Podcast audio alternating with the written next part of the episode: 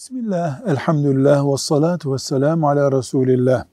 Çocuk evde imamlık yapıp evdekilere namaz kıldırabilir mi sorusuna diyoruz ki, mümeyyiz olmayan çocuk hiçbir şekilde imamlık yapamaz. Mümeyyiz ne demek? 7 yaşını aşmış, artık iyilik, kötülük, günah, sevap anlayan çocuk demek. Yaklaşık 7 yaşı 10 yaşlarında demek. Mümeyyiz çocuk kendisi gibi çocuklara imamlık yapabilir.